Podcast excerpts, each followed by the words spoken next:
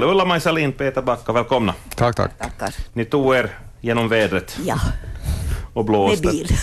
Ja, lycka. Inte Ja. cykel. Ja.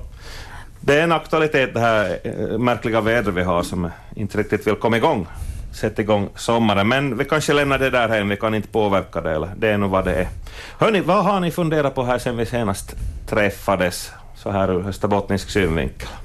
Ja, jag vet inte om man ska våga säga det, men visst har vi ju följt med jourreformens fortbestånd. Eller icke. Det var ju magert, eh, det som sades igår. Jo, men jag tycker att det här var ju väldigt väntat också. Att, jag menar, det har varit en politisk kamp om det. det har, regeringen har satt ner foten och det har varit en omröstning. Varför skulle de nu plötsligt ändra sig? Det, det, det, det här, jag menar, ett sånt här folkinitiativ, det är ju det är någonting att man väcker en viss opinion och, och den vägen försöker påverka. Men, men eh, det är ju enligt det här eh, traditionella beslutsfattande som allting går i alla fall. Så, så jag tycker att det var ganska väntat att det var just så här han motiverade sig. Mm. Ja, ja, inte tror jag heller att, att folk så där i allmänhet hade riktigt, riktigt höga förväntningar. Kanske i det skede då man undertecknade det där och samlade in det där, då tyckte jag, jag var själv en av de här insamlarna i en, på, på, på ett område och, och det där, då tyckte jag nog att folk var väldigt ivriga och tänkte att nu kan vi liksom påverka, den där känslan att vi kan faktiskt göra någonting till det här. Men det kan ju också vara det att det kom ju så snabbt efter att det där beslutet fattades. Så att, att det var ju, själva beslutet var ju så, så färskt.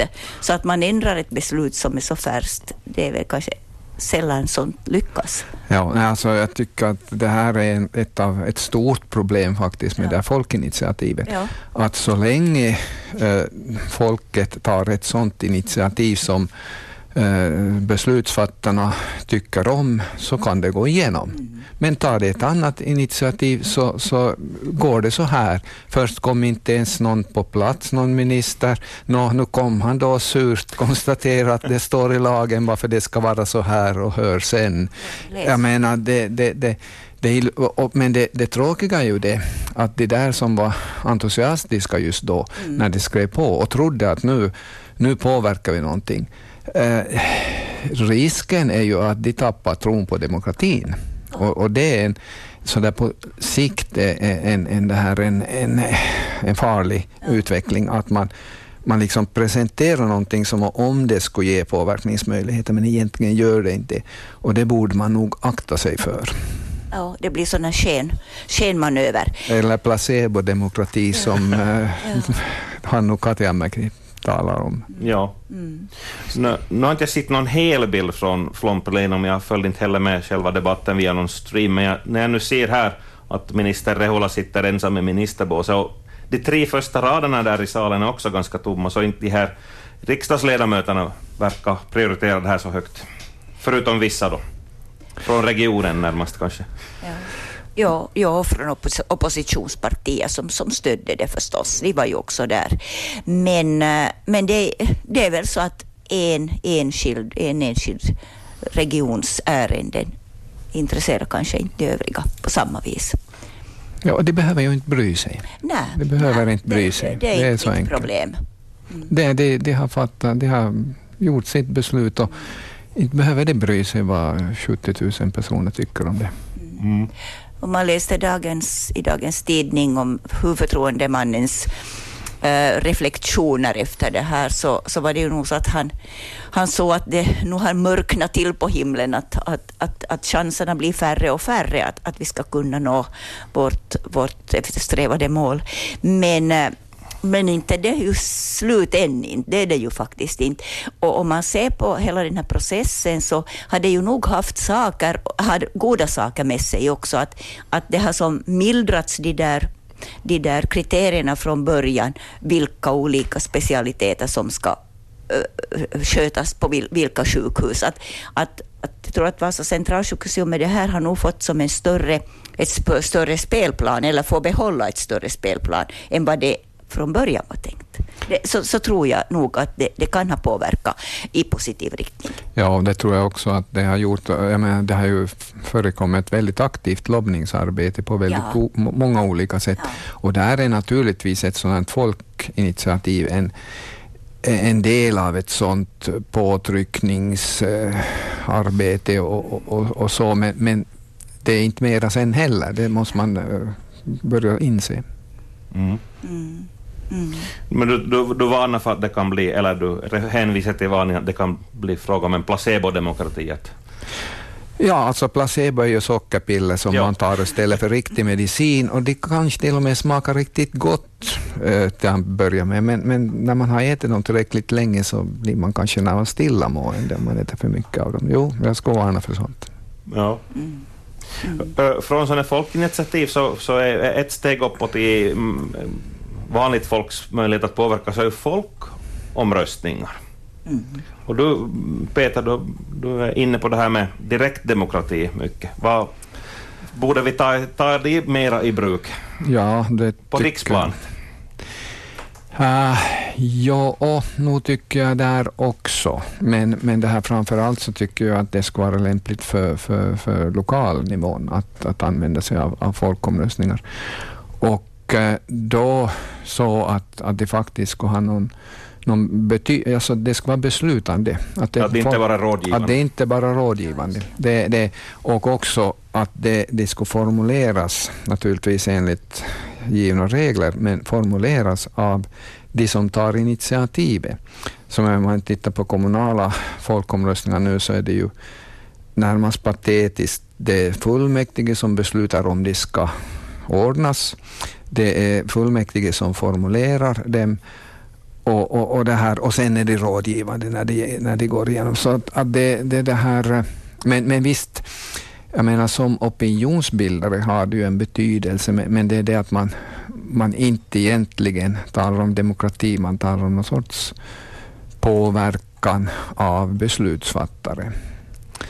Och, och det här, eh, jag tycker att den här, den här gränsen borde man göra klart för sig, att, att det, liksom, det blir inte demokrati därför att man pratar med folk till exempel. Som nu då, eh, man gör i ganska många kommuner, man ordnar ett möte och så. Och det här är ju ingenting nytt. Det här, det här är ju är ju sånt som eh, de gamla svenska kungarna sysslade med. Man, lyssnade, man gick till kungs, bönderna fick komma och klaga och de lyssnade nog.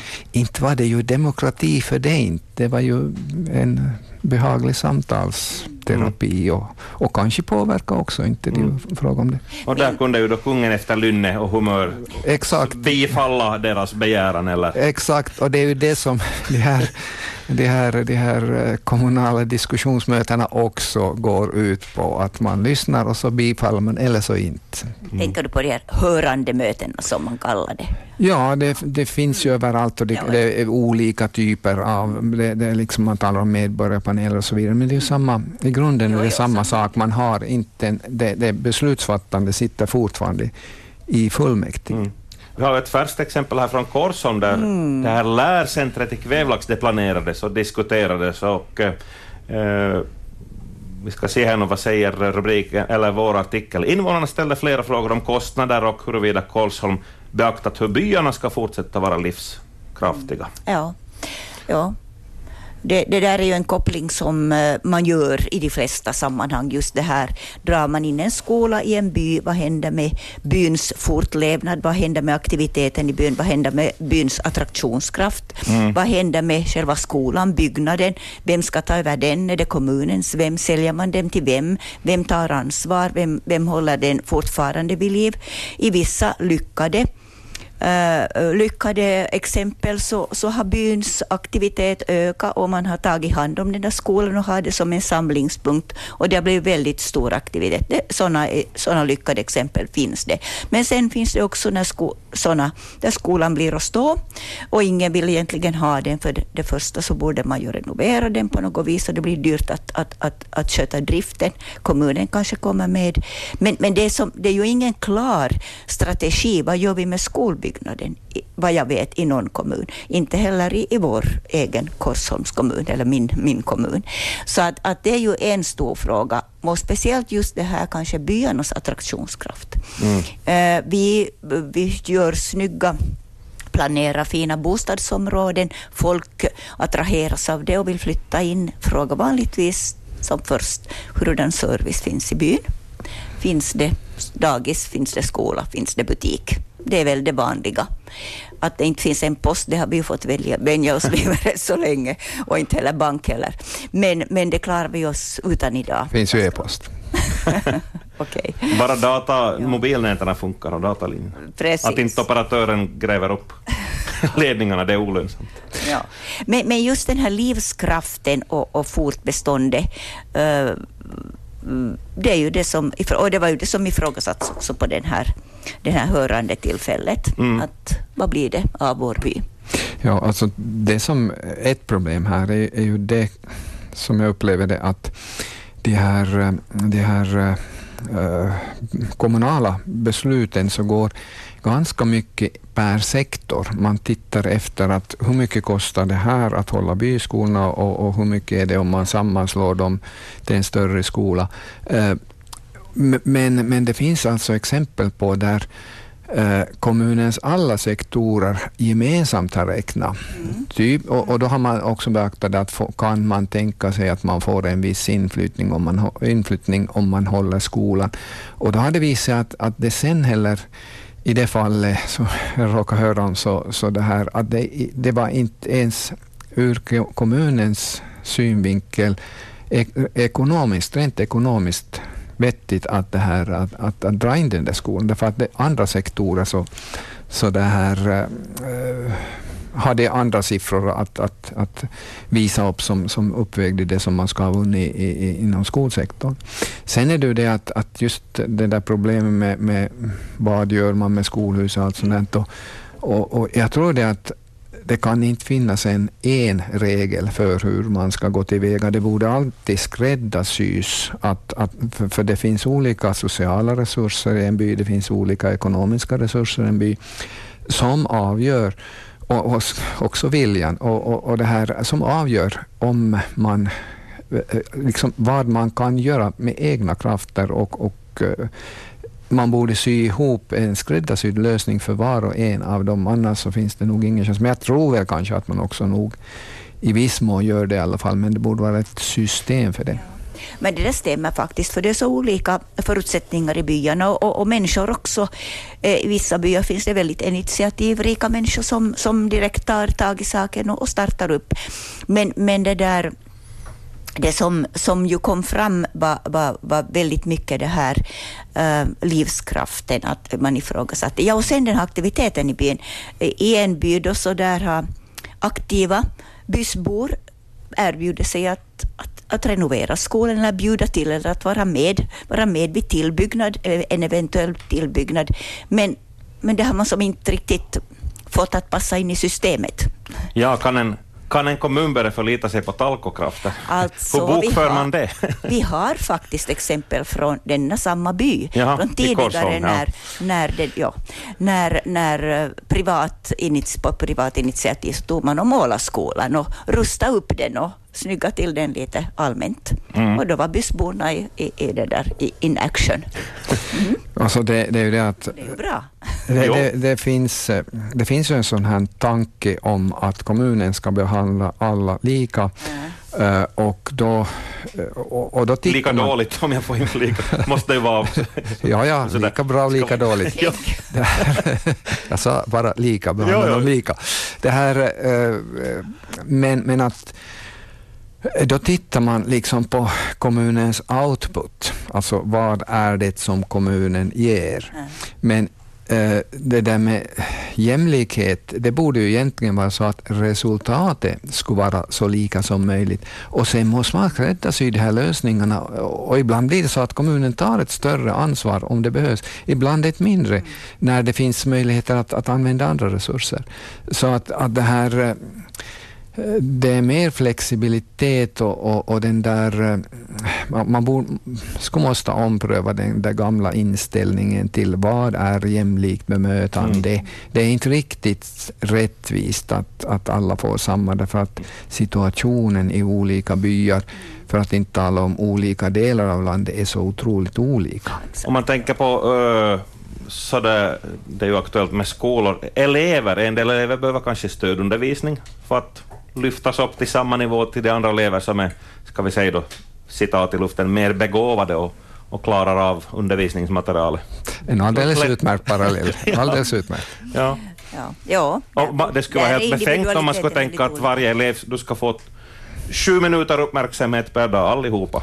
Gilla läget. Och så är det ja. de här då supersmarta så, så klarar sig bra med det, men de svaga eleverna så sackar efter. Mm. Alltså jättefiffigt. Alltså resultatet borde vara det som är, som är målet, resultatet ja. som ja. man jämför. Men vägen dit kan vara väldigt olika. Mm. Ja, och den är också tyvärr väldigt eh, det finns inga exakta regler som man kan följa för att, att åstadkomma det. Hur ska man mäta det? Då? Att det, det är konfliktfylld väg, men vem har sagt att det konfliktlösa samhället är det goda samhället? Nej, just så. Det är väl inga... Det är ju när det blir gnidningar som det slår gnistor. Man får en värmande eld. Ja. Hörrni, det här med, med direktdemokrati, uh, en del kanske oroar sig att då blir det, då blir det de som är bäst demagoger och populister som får sin vilja genom att man styr, styr den flyktiga folkmassan medan de smarta folkvalda politikerna så de tänker mer långsiktigt, men gör de det alltid? No, är man per automatik en mer upplyst människa för att man har fått eh, många röster i kommunalvalet. information i alla fall. Alltså man, man, ja, man det, om man har, sitter på möten och, ja, och får handlingar. Ja, och. Det, det, där har man ju fördel förstås och, och ser för, förhoppningsvis bredare på en sak. Eller mm. se, väger in flera, flera liksom aspekter som inte den enskilda personen har möjligheten att göra och som då tänker mer så specifikt på den här saken.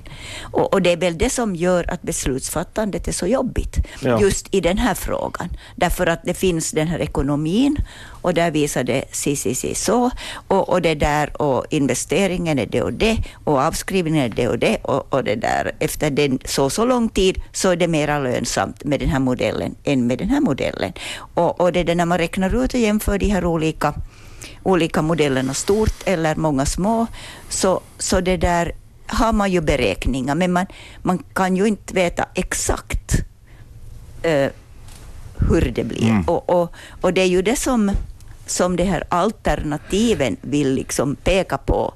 Alternativen till ett stort, uh, att det ska finnas några små eller medelstora, någon liten och så vidare, beroende på hur strukturen i respektive by ser ut. Mm.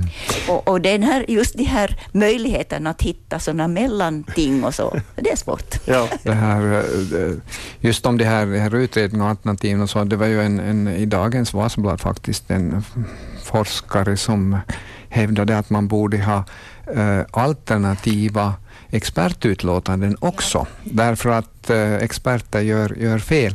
Eh, det där med demagoger eh, och, och, så som, som lurar folk i folkomröstningar, ja naturligtvis finns den faran också. Men, men den faran, inte vill jag nämna något namn någonstans, men, men det här, nog finns det ju också den faran att demagoger blir invalda och är de som fattar besluten. Jag tror inte att det är lättare att äh, välja en person än att välja ett beslut. Jag, jag tror att, att det, det, det, är inte, det är inte självfallet åtminstone att det skulle vara lättare, men det är också så, som, som äh, du sa här, att äh, det är det, är det här äh, det, det, behövs ju ett gäng som sätter sig in i saker och ting och läser på. Att det är alldeles klart vi ska ha den, den representativa demokratin. Men det som jag ifrågasätter är att ska det vara så att det är det enda sättet för folk att komma. Men helt klart, vi behöver duktiga eh, kommunalpolitiker och rikspolitiker och så mm. vidare mm. som sätter sig in i den där oerhörda informationsmängden som det handlar om. Men hur, hur pass bra är det på att kommunicera just, vi har nu minister ja, Rehula som aktuellt exempel, att, att, att förklara varför man kanske driver en fråga som en del då upplever att nu är, nu är ni orättvisa mot, mot oss Eh, Skulle det finnas plats för bättring där, att de Ja. förklarar och ritar och berättar och inte med powerpoint. Ja, ja att, att, det, det liksom, att man får, får bredda liksom det här synsättet hos människorna som, som det berör. Att, att man måste tänka i en, i en liten större, Ja. större perspektiv. Och, och, och liksom motiv, kommunicera ut det, sina motiv och, och få människor att, att det där fat, fatta. Um, det är inte alls enkelt. Därför, ja, det, därför att det, det, det, dels, för det första tar det väldigt mycket tid. Och får man ihop de där människorna som, som, som sen det berör. Att, att det är ju det också ofta, vill det låsa sig då mellan tyckanden. Så man är inte så motiverad att ta emot heller argument som talar för en sak som man inte själv omfattar. Det är bara så. Så är det definitivt. Resistens, resistens Jo, jo, det finns ju också forskning på det, att, att sätter man folk med olika åsikter och säger, man, säger åt dem att de ska diskutera sakligt och lyssna på varandra, så kommer det ut och har blivit ännu mera fast vid sina åsikter än vad det var när det gick in. Så, så det, det, det är inte, man ska inte Eh, överdriva den här, den här effekten att, att, att komma överens. Visst, man ska försöka och det finns goda exempel på att man lyckas, men man ska inte tro att det alltid, alltid fungerar. Mm. mm. Nå, vi ska fortsätta här i Fredagsklubben och eh, vi intervjuade eh, en ny, nyvald VD här i veckan. Marja Rita West, hon är nyvald VD för Viexpo i Vasa och en intressant sak som jag nog reflekterade över när jag läste intervjun, så hon sa att vi har lätt att flytta utomlands härifrån Österbotten, kanske till och med lite för lätt. Och det ger oss brist på br- kunnig personal, och det gäller till exempel Jakobstadsregionen. Och det är ju allom bekant att vi är österbottningar, de far gärna ut i världen och uh, finner lyckan. Alla, I all värld har vi gjort det. Ja, Till Amerika förr och numera till Sverige, mm, Norge, Norden. Ja, det är en svår, svår fråga det där att, att eh, hur ska man ställa sig till det där då? För att, att det är klart, det, om man tittar på historien, nu har vi ju fått väldigt mycket utifrån tack vare alla det där som har flyttat bort och kommit tillbaks. Så att, att det är ju det som är ett rike då, att, att hur får man dem tillbaks? Men, men sen är det en annan fråga också, det handlar ju om vår utbildning. Det finns ju till och med folk som säger det att, att vi borde ju inte utbilda magistrar så rysligt mycket i det här landskapet därför att det kanske ändras nu lite men det finns inga jobb. Man liksom pumpar ut dem genom att ge en, en sån utbildning som inte finns någon motsvarande arbete i. i, i den här. Det, det är också någonting att fundera på. Jag, jag tycker naturligtvis att folk ska utbilda sig långt och mycket och det som de brinner för, det blir det bästa resultatet. Men, men för regionen, för individen, det, det är bra, men för regionen så kan det ha sina, sina baksidor att, att ha en fel utbildningsinriktning. Det försöker man rätta till naturligtvis, men att, att det, det är en väldigt svår fråga där som du ställer. mm, Mm, det är det. Eh, Då när yrkeshögskolorna kom till i tiden, så då var det ju faktiskt, policyn var ju den att då skulle man förena näringslivets behov med, med utbildningen och, och, och man satte ju in väldigt mycket sånt här samarbete mellan företag och, och yrkes, yrkeshögskolor. Och, och det har nog till, till en ganska stor utsträckning har det ju gett resultat. Kanske bättre än vad man hade tänkt också. Inom, om vi tänker inom teknik, där det ju varit väldigt bra samarbete. Men också inom vård och omsorg så förekommer det ju bra samarbete och mera blir det ju av den. Men, eh, men just universitetsutbildade, så det ser ju ut som om vi skulle ha ett, en överproduktion på sån som magister och doktorer.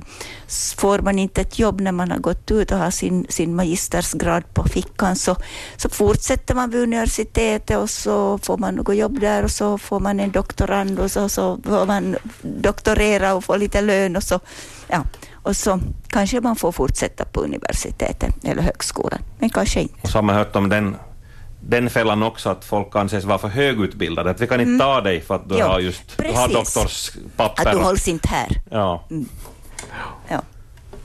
Men då, då, då tänkte jag här, då, då blir det just det konspiratoriska, att eftersom Ja. vi kan svenska här då av Ja. ohejdad vana, så då har vi lätt att få till Sverige och Norge och Danmark. Och till exempel sjukvårdare så är ju Mm. hot stuff där, de bjuder ju enorma summor i Sverige nu för att, Ja. för att få personal. Så jag funderar, att är det det ett problem då att vi är, vi, har, vi är för lättrörliga som gör att en del tycker att det här med svenska, att lära finskspråkiga svenska, det är någon bra idé. Nu börjar jag dra konspirationen jättelångt här, men vad säger jag ni? jag helt... Jag tror inte att man tänkt riktigt så där långt som Ja, du vet. Jag man- tror inte man heller. Jag tror man tänker mycket praktiskt på det här. Vi tycker inte om svenska, därför ska vi inte ha Ja, ja. svenska. Ja, Så, lång, så konspiration har du säkert inte. Men alltså visst, nu gav jag folk idéer här. Den, där- eh, ja, ja, ja, alltså det, det, är lätt, det är lätt att ta sig till, till Sverige och Norge inom vårdbranschen och man är väldigt omtyckt då man kommer. Vi har en bra utbildning i Finland. Vi har väl kanske bland de bästa i Norden och, och vi är attraktiva på arbetsmarknaden. Vi är flitiga. Vi är inte vana med att ha så mycket personal som man har i Sverige och Norge. Så vi, är, vi, liksom, vi, vi har vi, vi, vi tar ett större ansvar, sägs det sådär i allmänhet. Och sen är det ju det att som jag nu äh, har följt med så i Sverige åtminstone och säkert också i Norge så är man från arbetsgivarhåll väldigt flexibel i att ordna med arbetstider. Man får jobba i princip som man själv tycker att man kan och man får lite subventionerade resor hem till hemlandet och man får jobba veckor vecka, vecka, vecka och, eller två veckor och så är man hemma två veckor. Och i den stilen. Och vi är inte alls något bra i det, vårt land på det här att, att göra skräddarsydda lösningar till vår personal. Att där skulle vi nog måste bättra oss betydligt. För vi, vi låser oss så lätt i det här, man ska jobba 100 procent eller så ska man jobba 78 och 43 eller så ska man jobba 84 eller så ska man jobba eh, 50. That's it. Och, och, och där kommer det in den här rättvisan som vi har varit in på här tidigare. Det ska vara så rättvist som möjligt. att Vi ska ha lika mycket kvälls, äh, äh, kvällar och vi ska ha lika mycket helger och vi ska ha lika mycket nätter. Så det är rättvist mellan personalen. Så personalen sinsemellan. No, jag slutar nu med det där men, men det, det finns skillnaden mellan länderna ligger väldigt långt där. Vi borde nog få överlag ett sånt här mera skräddarmästartänkande istället för att ha det här massproduktionstänkande bakom oss. Eh, Men, men det här eh, bakom den här flexibiliteten också, tror jag, jag menar det är en kulturfråga förstås, men, men det, det handlar ju också om konjunkturer. Alltså att, att så länge det går dåligt i Finland, bra i Sverige och rent otroligt bra i Norge, så är det klart att det det hamnar att, att göra väldigt mycket för att få, få arbetskraft. Och när det då finns arbetslöshet eller ont om bra arbetsplatser så, så, så, så går det så här. Så, så att jag tror ju att den här att om det nu börjar gå bättre i Finland så, så tror jag att, att det här nog kommer att mattas av. Det, det finns kvar naturligtvis men, men, men jag tror inte att det om vi karpar upp oss ekonomiskt att det, att det blir ett, ett sådant problem som, som det just nu ser ut att vara. Mm. Ja, men, men det är faktiskt bekymmersamt. Så nu, bygger vi ju nya servicehem hela tiden. Det kommer in privata aktörer på marknaden. Det, det sväller ut och vi har inte personal. Vi har inte tillräckligt med perso- utbildad personal och vi har inte språkkunnig personal. Mm. Som det ser ut just nu i framtiden. Däremot har vi arbetslösa magistrar. Jag, jag vill inte på det sättet spetsa till det, men, men, men det är som en obalans i det här nu. Låt vara att dagens Vasablad har en, en lång, lång spalt, den längsta spalten på vilka som blev utbildade inom, inom hälso och socialvårdsbranschen. Så det kommer ju nog ut varje år. Men jag talade igår kväll faktiskt med socialdirektören i vår kommun och hon sa att det är ju egentligen redan jobb de här som får sin utbildning. För man har utbildat sig via läroavtal till exempel, eller vuxenstudier, så det är redan fast i någon kommun. Så det är inte som på fria marknaden längre heller. Det är redan bundna upp. Mm. Men hej hörni, sen då i samband med den här SOT-reformen, du sa att det kommer fler Mm. bolag och de ska ju ha personal, så det är väl bara att locka med högre löner då? Få Ja. tillbaka alla Finland, finlandssvenskar och finländare som är i Norge och Sverige. No, min erfarenhet är ju nog det att, att de här privata bolagen, vårdbolagen, så de lockar inte med högre löner. De, gör inte. de, har till och med, de följer ett annat avtal än man gör i kommunen Ja. som har mindre förmåner, men ändå får de personal Ja. av någon anledning.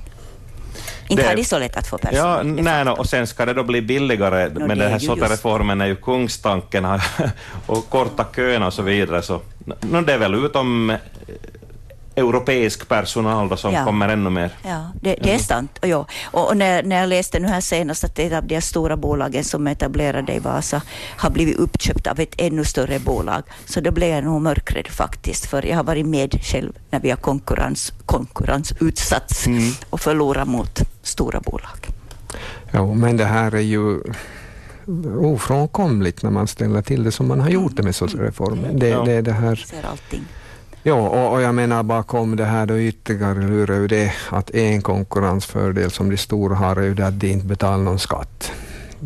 Därför att de har möjligheter att, att skyffla pengar fram och tillbaka. Så att, att, att det är nog en, det här är en sån här nyliberal strategi som egentligen inte gynnar varken kommunerna, kommuninvånarna, de som behöver vården eller, eller de som jobbar med det, utan, utan det är de som har investerat i det som, som drar de största pengarna ur det. Och, och det är väldigt olyckligt och, och, och det här måste nog göras någonting åt. Det, förr eller senare. Det, det, och på ett eller annat sätt, jag är ganska orolig för vilket sätt det kan vara som man börjar göra, rätta till de här problemen. Mm. Korsholms kommundirektör hade en kolumn igen i Hufvudstadsbladet häromdagen. Vad hette det? AB Vård Oj, eller vad var rubriken? Där just sådana här frågor Mm. Jo, påpekades. jo det, här, det var mycket, mycket, tyckte jag, mycket saklig och bra artikel. Den kunde ha kommit för några år sedan. Ja, den kunde ha kommit och, och säkert fanns den här tanken då, men, men ingen har hört på det. Mm. Man, har inte, man har kört sin linje som man tror bäst, så stenhårt på. En sån klassisk fråga som borde ställas i, i, väl, i inledningsskedet vad man än gör. Vad ska det här vara bra för? Just det. Vad ska vara god Just till? det. Och då ska den på allvar besvaras. Nåja, Eh, det är bättre och jämlikare vård, tre miljarder inbesparingar. Okej. Nu fanns ju svaren. Det är kanske det att, att man, man kanske borde titta på lite alternativa fakta Ja. till de fakta som de baserar de här svaren på.